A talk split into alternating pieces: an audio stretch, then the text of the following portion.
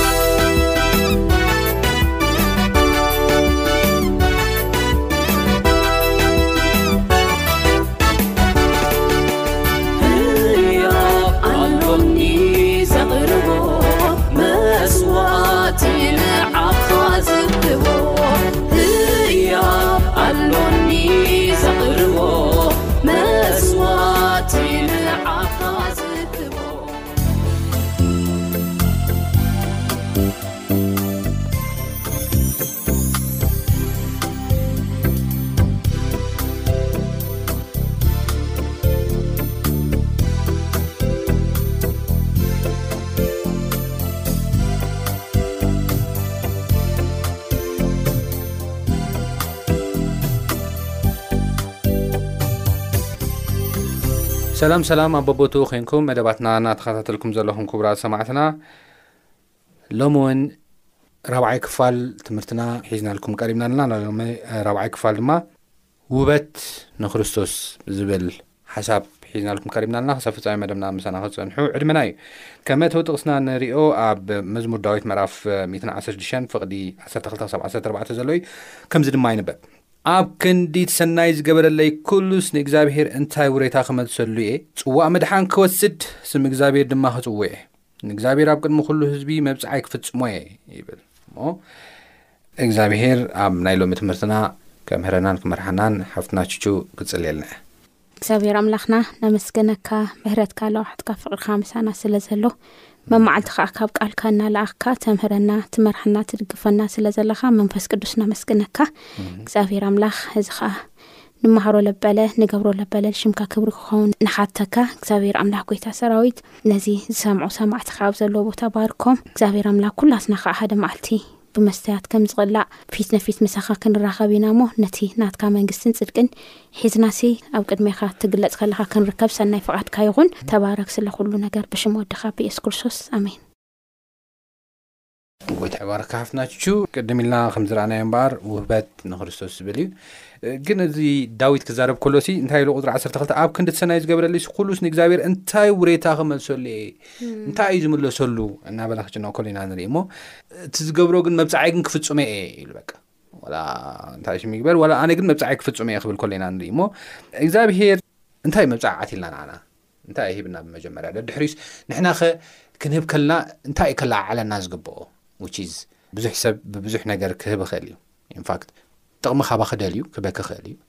ስለዝነዝንስክዮ ክበክ ይኽእል እዩ ብብዙሕ ነገር ክወሃብ ይኽእል እዩ እሞ ንዓና ንእግዚኣብሔር ክንህቦ ከለና መባዕ ሒዝና ክንመፅእ ከለና እንታይ ከለዓዓለና ይግባእ ናይ እግዚኣብሔር መብፃዕና ንዓና ከንታይ እዩ በዓል ጳውሎስ ኣብ መፅሓፍ ኣብቶም ዝጸሓፎም መጻሕፍቲ ክዛረብ ከሎሲ ፍቕሪ ክርስቶስ ይድርኸኒ እዩ ዝብል ማለት እዩ ፍቕሪ ክርስቶስ እዩ እቲ ዝድርኸካ ኩሉ ነገር ክዝገብር ማለት እዩና ኣብቲ ብዝሓለፈ ክንርኢ ከለና እቲ ፍቕሪ ከዓ መጀመር ኣፍቂሩ ዘርእየና መን እዩ እግዚኣብሄር በዕሉ እዩ ኣብ ቀዳማ ዮሃንስ ብዝሓለፈ ንብል ነርና ፍቕሪ ንፈልጥስ ብምንታይ እዩ ብእግዚኣብሄር በዓሉ ንሱ መጀመርያ ስለ ለፍቀረና እዩ ሕና ፍቕሪ ንፈልጥ ማለት እዩና ነቲ ንፍቕርካ ዝኸውን ውህበትሲ ህያብሲ እንታይ እዩ እሞ ክመልሰልካ ኣነ ይብል ሕዚ ኣብዚ ክንጥንቀቅ ልግበኣና ነገር ደለና ኩሉ ነገር ሒዝና ኣምፅእና ኣብ ቅድሚ ኣምላኽ ተገ ንእግዚኣብሔር ንምሕጓስ ኣይኮነን ትመጀመራ ነገር ትመጀመራ ነገር ንባዕል ልብና እዩ እግዚኣብሔር መጀመርያ ዝደሊ ማለት እዩ እቲ ልብና ኣብ ቅድሚ ኣምላኽ ምስ ፀረየ እዩ እቲ ካልኦት ነገራትና እግዚኣብሔር በቃ ብልልገበረና ነገር ስለ ተሓጎስና ንመልሰሉ ማለት እዩ እዚ ማለት ግን እግዚኣብሔር ናኩሉ ነገር ባዕሉ እኮ እዩ በዓል ቤት ወዶ ብዝሓለፈ ርኢና ነርና ኣብ መዝሙር እስራ ኣርባዕተን ፈቅዲ ሓደ ማለት እዩ ኩሉ ዓለማት ዝፈጠር ኩሉ ነገር ናይ መን እዩ ናይ ባዕሉ ዓምፂና ንኡ ነሕጉሶ ነገር የለ ግን ዋና ነገር እንታይ እዩ ናይ ፍቕርና መግለፂ መጀመር ኣፍቂሩ ኣፍቂሩ ዝገልፀና ኮ ትና መጀመር ፍቕሪ ና መጀመር ክንርኢ ከለና ናይ እግዚኣብሄር ፍቕሪ ዝተገለፀ ወዱ ብምሃብ ወዶ ሓደ ወዱ ቤጃ ብምሃብ ተገይሩ ናብቲ ፍቕሪ ኣእትዩና ነቲ ፍቕሪ ዙ ዝተረድኦ ሰብ ከዓ እንታይ ይገብር ናይ ፍቕሪ ዝኾነ ህያብ ናብ እግዚኣብሄር ሂዙ ይምለስ ማለት እዩ እና ናትና ገንዘብ ይኹን ናትና በዓልና መጀመርያ በዓልና ኢና ንበዓልና ኢና ንእግዚኣብሄር ንህብ ዘለና መንነትና እዩ ትልብና መንነትና እዩ ንእግዚኣብሄር ክወሃብ ዘለዎ መጀመርያ ማለት እዩ ድሕሪኡ እቲ ናትና ዘበለ ኩሉ ናይ መን እዩ ናይ እግዚኣብሄር ናባዓሉ እዩ ድሕሪኡ ካብቲ ናትና ዘበለ ነገር ክንዲ ፍቕሩ ተደሪክና ከ እታይ ንገብር ካብቲ ዘበለና ነገር ንኽብረካ ንኡ ክብሪ ንምግላጽ ንኡ ምስጋና ንምግላጽ እዚ ኩሉ ሂብና ግን ነቲ ናቱ ፍቕሪ ክልክዖ ኣይክእልን እግዚኣብሔር ዝገበረልካ ነገር ክልክዕ ክምዝን ኣይኽእልን ጥራይ ከዓ ግን እንታይ ይብል ሓደ ዘማሪ እንታይ ይብል ብምንታይ ከመስግነካ ይብል ምስጋና ክንቀርብ በቃ ነቲ ናትካ ዓብዪ ፍቅሪሲ እንታይ ኢለየ ከመስግነካ ይብል ዘማሪ እና ምግላፅ እኳ የስእነካ ከፍ ኢልካ ወይ ከዓ ወሲድካ ሂብካ ትውድኦ ነገር ኣይኮነ ናይ እግዚኣብሔር ፍቅሪሲ በቃ ሰፍሕ እዩ ዓሙቅ እዩ ልዓሊ ኢልካ ታሕቲ ኢልካ ነውሓቱ ቁመቱ ለብል ኣይኮነን ግን ነቲ ፍቕሪ መግለፂ ግን እና ንህብ ማለት እዩ ኣብ ማቴዎስ ሽዱሽተ ሰላሳን ሓደ እንታይ ይብለና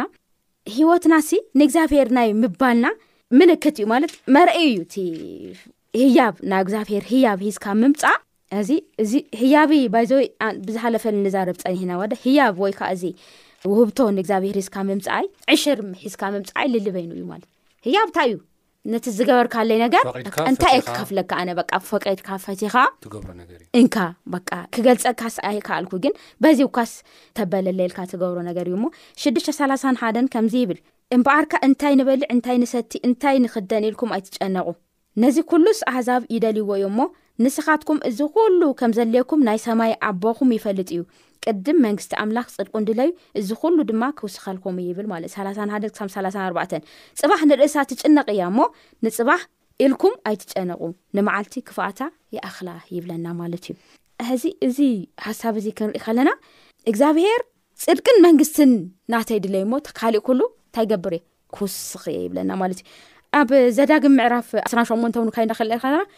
እንተ ተኣዝዝካ ንኣይ እሺ እንተየልካ ዘለዎ በረከት እዩ ዝዝረካ ማለት እያኡ ዘዳግም ዕስራ ሸሞንተን ዳሓር ከዓ ቀፂሉ ከዓ ኣብ ዘለ ከዓ እንተዘይተኣዚዝካ ከዓ እንታይ ትገብር እርግማን ከዓ ይነግረካ ማለት እዩ እዚ ኩሉ ደሚና ክንርኢ ከለና ህያብ ንእግዚኣብሔር ምቕራብ ማለት ንእግዚኣብሔር ዘለና ፍቕሪ መግለፂ ማለት እዩ ሓደ ሰብ ንእግዚኣብሔር ቅሮ ኣለኹ ይእዘዝ ኣለኹ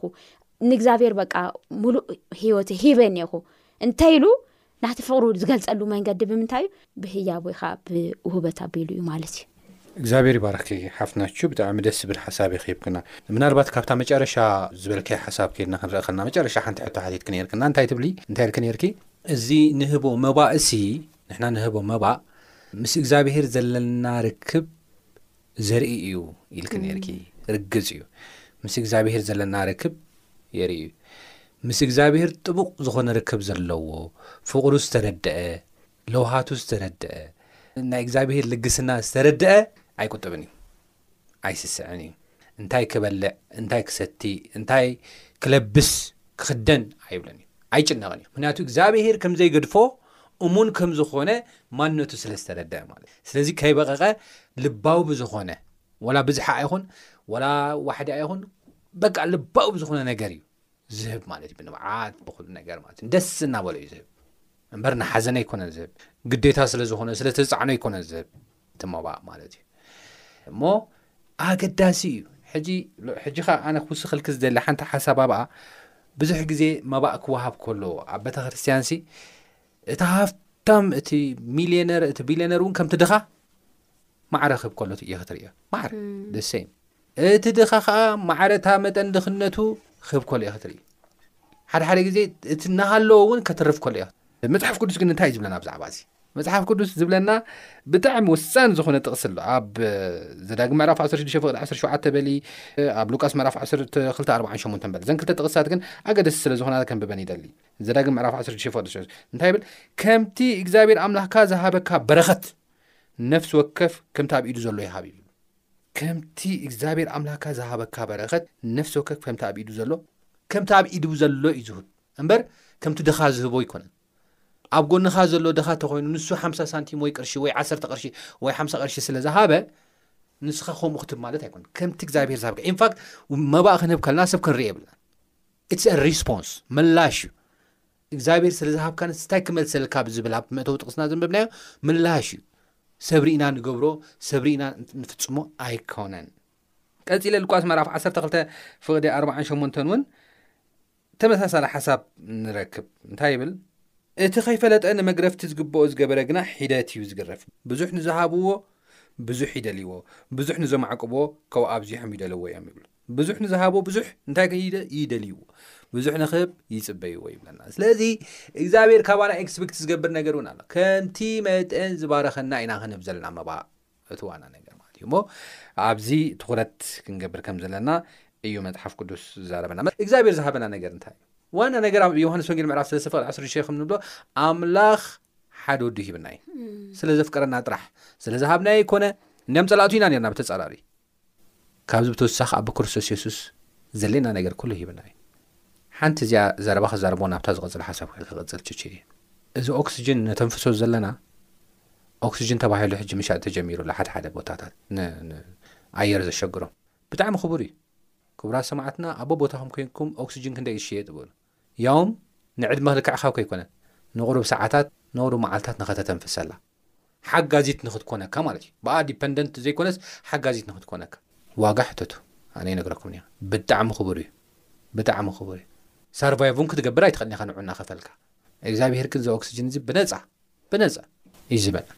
ነተንፍሶ ዘለና እሞ ከዓ ንፁህ ማንሜድ ዘይኮነ ንሱ ጥራሕ ኣይኮነን እንበልዖ እንጀራ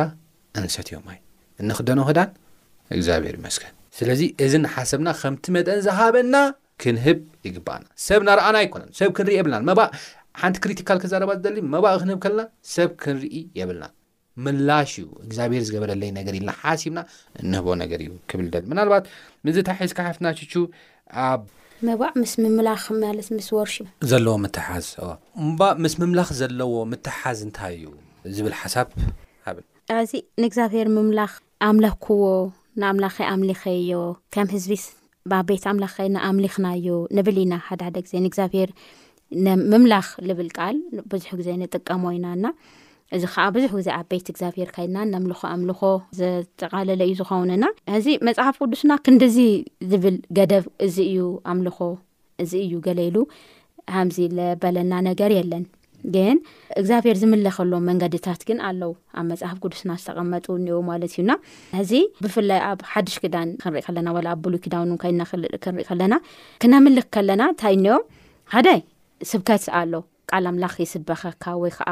መጽሓፍ ቅዱስ ተጽንዕ ተጽንዕ ብሓደ ኮፍ ኢልካ እዚ ሓደ ንኣምላኽ ተምልኽ ኣለኻ ማለት እዩ ትጽሊ ኢኻ ጸሎት ትገብር ወዶ ምስ ህዝቢ ኮንካ በ እዚ እውን ንእግዚኣብሔር ምምላኽ እዩ በቃ ተምልኾ ኣለኻ ማለት እዩ ተዝምር ኢኻ ንእግዚኣብሔር ብዝማሪ ኣቢልካ ብሙዚቃ ኣቢልካ እንታይ ትገብር ትዝምር ወዶ ለዝምርለ ዝዝምርለ ብሓደ ኮይንካ እዚ እውን ንእግዚኣብሔር እንታይ ትገብር ኣለካ ተምርልኻኻ ማለት እዩ ብዙሕ ግዜ ግን ብዙሕ ግዜ ግን እቲ ለይርድአና ንእግዚኣብሄር እናምለኽና ምዃንና ለይናስተውዕሎ ነገር እንታይ እዩ ዕሽሪ መባኣይ ሒዝና ኣብ ቅድሚ እግዚኣብሄር ክንከድ ከለና ው እንታይ ንገብሩ ኣለና ኢና ናምልኽ ኣለና ኢና ማለት እዩ ናምልኽ ኣለና ኢና ስለዚ እግዚኣብሄር ብቃሉ ይምልኽ እግዚኣብሄር ብፀሎት ይምልኽ እግዚኣብሄር ብመዝሙር ይምልኽ እግዚኣብሄር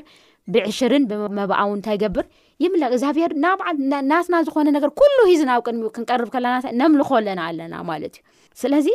ኣብዚ ከዓ ከንሪ ከለና ኣብ እስራኤል ግዜ እግዚኣብሄር ሰለስተ ግዜ ናብ የሩሳሌም ይኸዱ ነሩ እስራኤላውያን ካብ ለለዋ ኣቅጣጫ ካብ ዝተሰደርዎ ዓዲ ብምሉኡ ኣብ ዓመት ሰለስተ ግዜ ናበ ይኸዱን እዮም ናብ የሩሳሌም ይኸዱ ነሮም እዚ ከዓ ናይ ልቃናና ሃና ይኸዱ ነሮም ዶ ብብዓመቱ እንታይ ገብሩ ነሮም ይብል ናብ የሩሳሌም ይድይቡ ከዘበለ ከም ዝነበረ ይነግረና ካልኦትም ኣብ መፅሓፍ ቅዱስና ከምኡ ስለዚ ብብዓመቱ ክኸዱ ከለው እግዚኣብሄር እንታይ ኢልዎም ነሩ ማለት ጥራሕ ኢድኩም ሲ ኣብ ቅድሚ እግዚኣብሄር ሲ ኣይትቕረቡ ኢልዎም ኣብ እዚ ኣበይ ይርከብ መሲሉካ ኣብ ዘዳግም ዓሰርተ ሽዱሽተ ዓሰርተ ሽዱሽተ ጥራሕ ሄድኩም ኣይትምፁ እዚ ማለት እንታይ ማለት እዩ ዕሽሮም መባኦም እንታይ ገይሮም ይከዱ ነይሮም ኣብ ቅድሚ እግዚኣብሄር ንእግዚኣብሄር በዚ የቐርቡ ምክንያቱም ጥራሕ ሄድካ ማለት እኮ ምንም ኣይባረካኒ ምንም ኣይገበርካለይ ስለዚ በቃ ጥራሕ እየ እኒኦኹ ዓይነት ነገር በረከት ሂቡካ ከሎ ናይ እግዚኣብሔር በረከት እንታይ ምግባር ስለዚ ጥራሕ ድኩም ኣብ ቅድሚ እግዚኣብሔር ጥራሕ ድኩም ኣብ ቅድሚ እግዚኣብሔር ኣይትምፁ ኢሉ እግዚኣብሔር ዘንገጎ ነገር ከም ንኾነ ንርኢ ማለት እዩ ስለዚ ኣብዚ ሓደ ነገር ጠቕሊልና ክንርኢ ከለና ንእግዚኣብሔር ምምላኽ ብምባዕ እውን ንእግዚኣብሔር ምምላኽ ብዕሽር እውን ንእግዚኣብሔር ምምላኽ ብኩሉ ነገር ከም ዝኾነ ኢና ንርኢ ሓንቲ ጥቕሲ ታንብበለ ኢኻ ኣማንዋይ ቀዳማይ ዜና 1ሸ2ሸ2ሸ ታንብበለ ኢኻ ኣነ ከዓ ኣብ መዝሙረ ዳዊት ቴስዓን ሽዱሽተን ዘሎ ከንብብ እየና ካብኡ ናብ መጠቓለሊ ናምፅኦ ኢና ቀዳማይ ዜና ዓሰርተ ሽዱሽተ ዕስራን ትሽዓተን ንእግዚኣብሄር ንእግዚኣብሄር ናይ ስሙ ክብረት ሃብዎ መባ ኣቕርቡ ኣብ ቅድሚ ገጹ እውን ምጹ ንእግዚኣብሄር ብቕዱስ ኣልባሳት ስገድሉ ኣሜን ስለዚ ንእግዚኣብሄር በቃ ኣኽብርዎ ብተክብሩ ከሎ ብመባእ እንታይ ግበሩ ኣቕርቡ ኣብ ቅድምኡ ከዓ እንታይ ግሩ ስበ ኣምልኹ ብምባእ ማለት እዩ ስለዚ መባእታይ እዩ ምምላኽ ንእግዚኣብሄር እዩ ማለት እዩ ኣብዚ ቦታ እዚ ብከምኡ ተገሊፁ ከም ዘሎ ኢና ንርኢ ኣብ ቴስን ሽዱሽተን ከዓ ኣብ መዝሙረ ዳዊት ቴስን ሽዱሽተን እውን ኮይና ክንርኢ ከለና ፍቅዲ ሸሞንተን ትሽዓተን ከምዚ ይብለና ንእግዚኣብሄር ክብሪ ስምሃቡ መስዋዕቲ ሒዝኩም ናብ ኣፀዱ እተዉ ንእግዚኣብሄር ብቅዱስ ክብረት ስገዱ ኩሌኺ ምድሪ ኣብ ቅድሚኡ ኣንቀጥቅጥ ይብል ንእግዚኣብሄር መስዋዕቲ ሒዝኩም እንታይ ገበሩ ቅረቡ ኣብ ቅድሚኡ ስለቲ ግብርታቱ ስለቲ ስርሑ ንምምላኽ ናብ እግዚኣብሔር ኣብ ቅድሚኡ ክትመፁ ከለኹም ሲ ብከምዚ ጌርኩም ንኣምላኽ ኣምልኽዎ ይብል ማለት እዩና ስለዚ ንእግዚኣብሔር ምምላኽ እዩ ማለት እዩ እቲ ንእግዚኣብሔር ሒዝካዮ ትመፁእ መባዕ ይኹን ንእግዚኣብሔር ሒዝካዮ ተካዶ ኩሉ ኣብ ቅድሚ እግዚኣብሔር ተገብሮ ነገር ኩሉ ምምላኽ እዩ ማለት እዩ እግዚኣብሔር ይባረክ ኣምልኾ እዩ ቅድሚ ኢልና ከምቲ ዝበልናዮ እውን እንታይ ኢለ ነይረ ኣና ሓንቲ ሓሳብ ክህብ ከለኹ እቲ እግዛብሄር ዝገበረልና ነገር ምላሽ ኢና ንህብ ዘና ጎይታ ሂብካኒ ኢኻ ኣንቢርካኒ ኢኻ ዘይግባኣኒ ክነሱ ንዓይ ግን ኣኽቢርካኒ ኢኻ ኢልና ኢና ንህቦ ዘልና ናይ ከናፍር መስዋእቲ ንህብ ኣልና ናይ ቃል ናይ ኩሉ ነገራት ስለዚ መባእ እውን ሓደ ክፋል እዩ ቀፂለ ሓደ ነገር ከቕርብ ይደሊ ንሱ ድማ ብጣዕሚ ዝገርም እንታይ እዩ እግዚኣብሄር መስዋእትና ይርዮ እዩ መባእና ነቕርቦ መባእና ኩሉ ይርዮ እዩ ኣብ ማርቆስ መራፍ 12 ፍቕዲ 41 ክሳብ 44 ኬድና ንሪኦ ኣለዋን ብዛዕባ ሓንቲ መበለት ይነግረና ሕጂ ቅድም ኢለ ሓሳብ ክብ ከለኹ እንታይ ኢለ ነይረ መባእ ሰብ ርኢና ንህቦ ወይ ድማ ነቕርቦ ዘይኮነሲ ነገር ግን እግዚኣብሄር ገይርለይ ኢልና ካብ ልቢ እንህቦ እዩ ድማ በቲ መጠን ዝተዋህበና በቲ መጠን ዝተዋህበና በረኸት ኢና ንህቦ ኢለ ነይረ ሕጂ ኣብ ማርቆስ ምዕራፍ ዓሰርተ ክልተ ፍቕዲ ኣርባዓን ሓደን ክሳብ ኣርባዓን ኣርባዕተን ኬድና ክንርኢ ከለና ብዛዕባ እዛ መበለት እዩ ዝነግር እዛ መበለት እዚኣ ናይ ቤተ ክርስትያን ሰብ እያ ቤተ ክርስትያን ኩሉ ግዜ ትመጽእ እያ ተመልኽ እያ ንእግዚኣብሄር ገለ መለታት ግን እቶም ካልኦት ምሳኣ የምልኹ እዮም ድኻ እያ ግን ነይራ ገንዘብ ኣይነበራን ድሓር የሱስ ክርስቶስ ሓደ ግዜ ኦብዘርቭ ገይርዋ ርእዋ ካብታ ዝነበረት ካብታ መቐነታ ፍታሕ ሓቢላ ንእሽተይ ሳንቲም ካብታ ድኽነታ ጭል ከተብል ከላፍታ ርእይዋ፣ ኦብዘርቭ ገይርዋ። ደሓር ኢየሱስ ክርስቶስ ኣብኡ ዝነበሩ ብምልኦም እንታይ ኢልዎም? ካባኹም ኣብዚ ዅሉ ዘቕርብ ዘሎ መባእ ዝለዓለት ንሳ እያ ኣቕሪባ። ኣብ ቅድሚ ኣምላኽ ቅቡልነት ዘለዋ ንሳ እያ ኣቕሪባ ይብለና። ኣብዚኣ ሰለስተ ነገር ክዛረብ ይደሊ። እታ ቀዳመይቲ እንታይ እያ? እዛ ሰበይቲ እዚኣ ካብኦም ዝለዓለት ምቕራባ እንታይ እዩ ዝነግረና? ብልቢ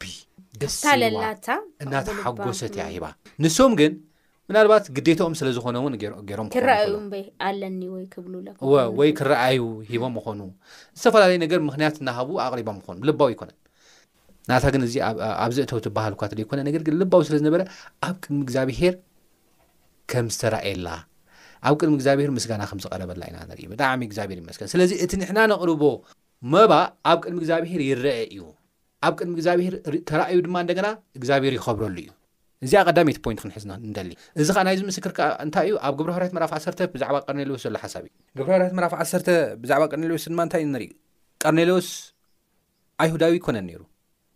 ኣይሁዳዊ ኣይኮነን ነይሩ ኣህዛብ እዩ ነይሩ ጣልያናዊ እዩ ነይሩ ግን ቀርኔሌዎስ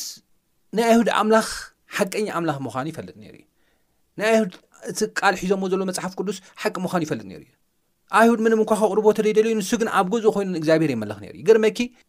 ምጽዋት ይህብ ነይሩ እዩ መባእ ይህብ ነይሩ እዩ ይድግፍ ነይሩ እዩ ድሓር እግዚኣብሔር እንታይ ኢልዎ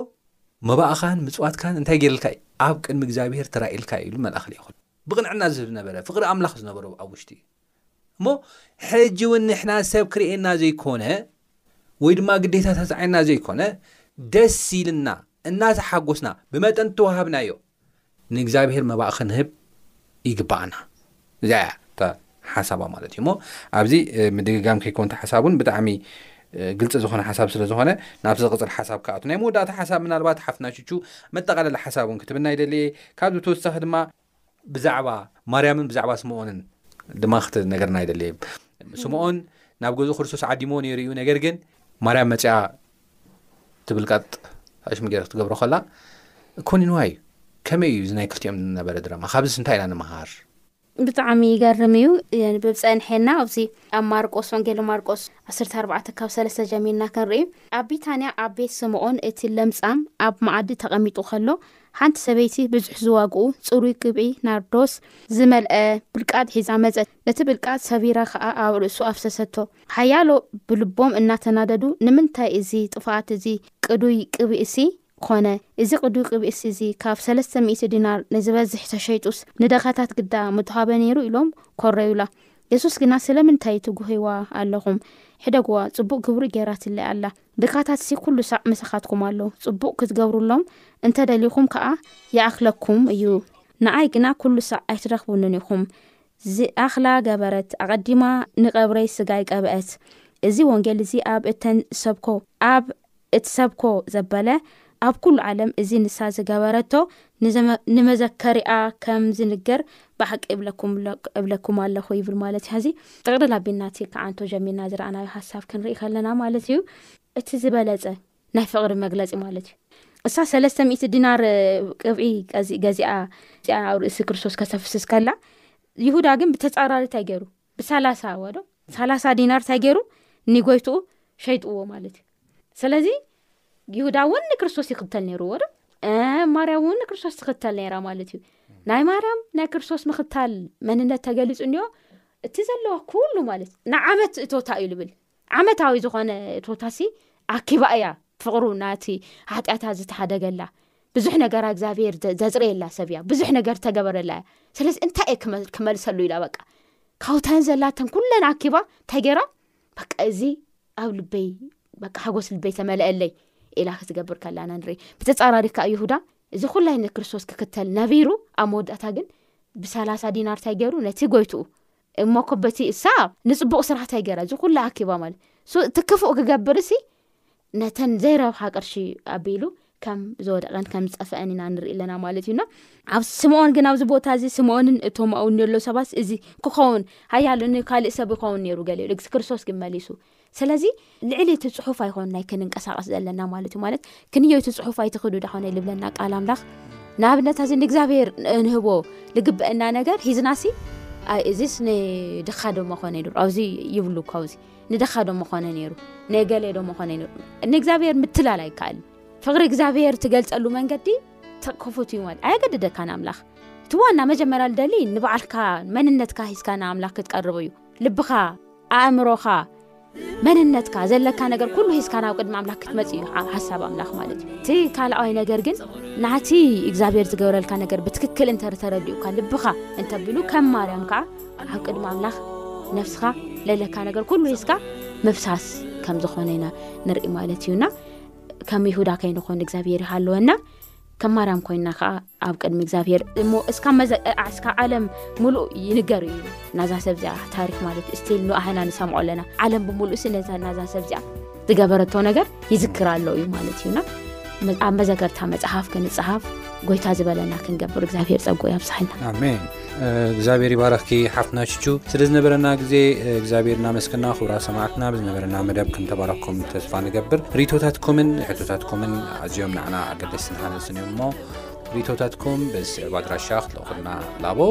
ቁፅርሳትን ፖስታና 145 ኣዲስ ኣበባ ኢትዮጵያ ወይ ድማ ቁፅር ስልክና 0901947796 ከምኡውን ብ0921884912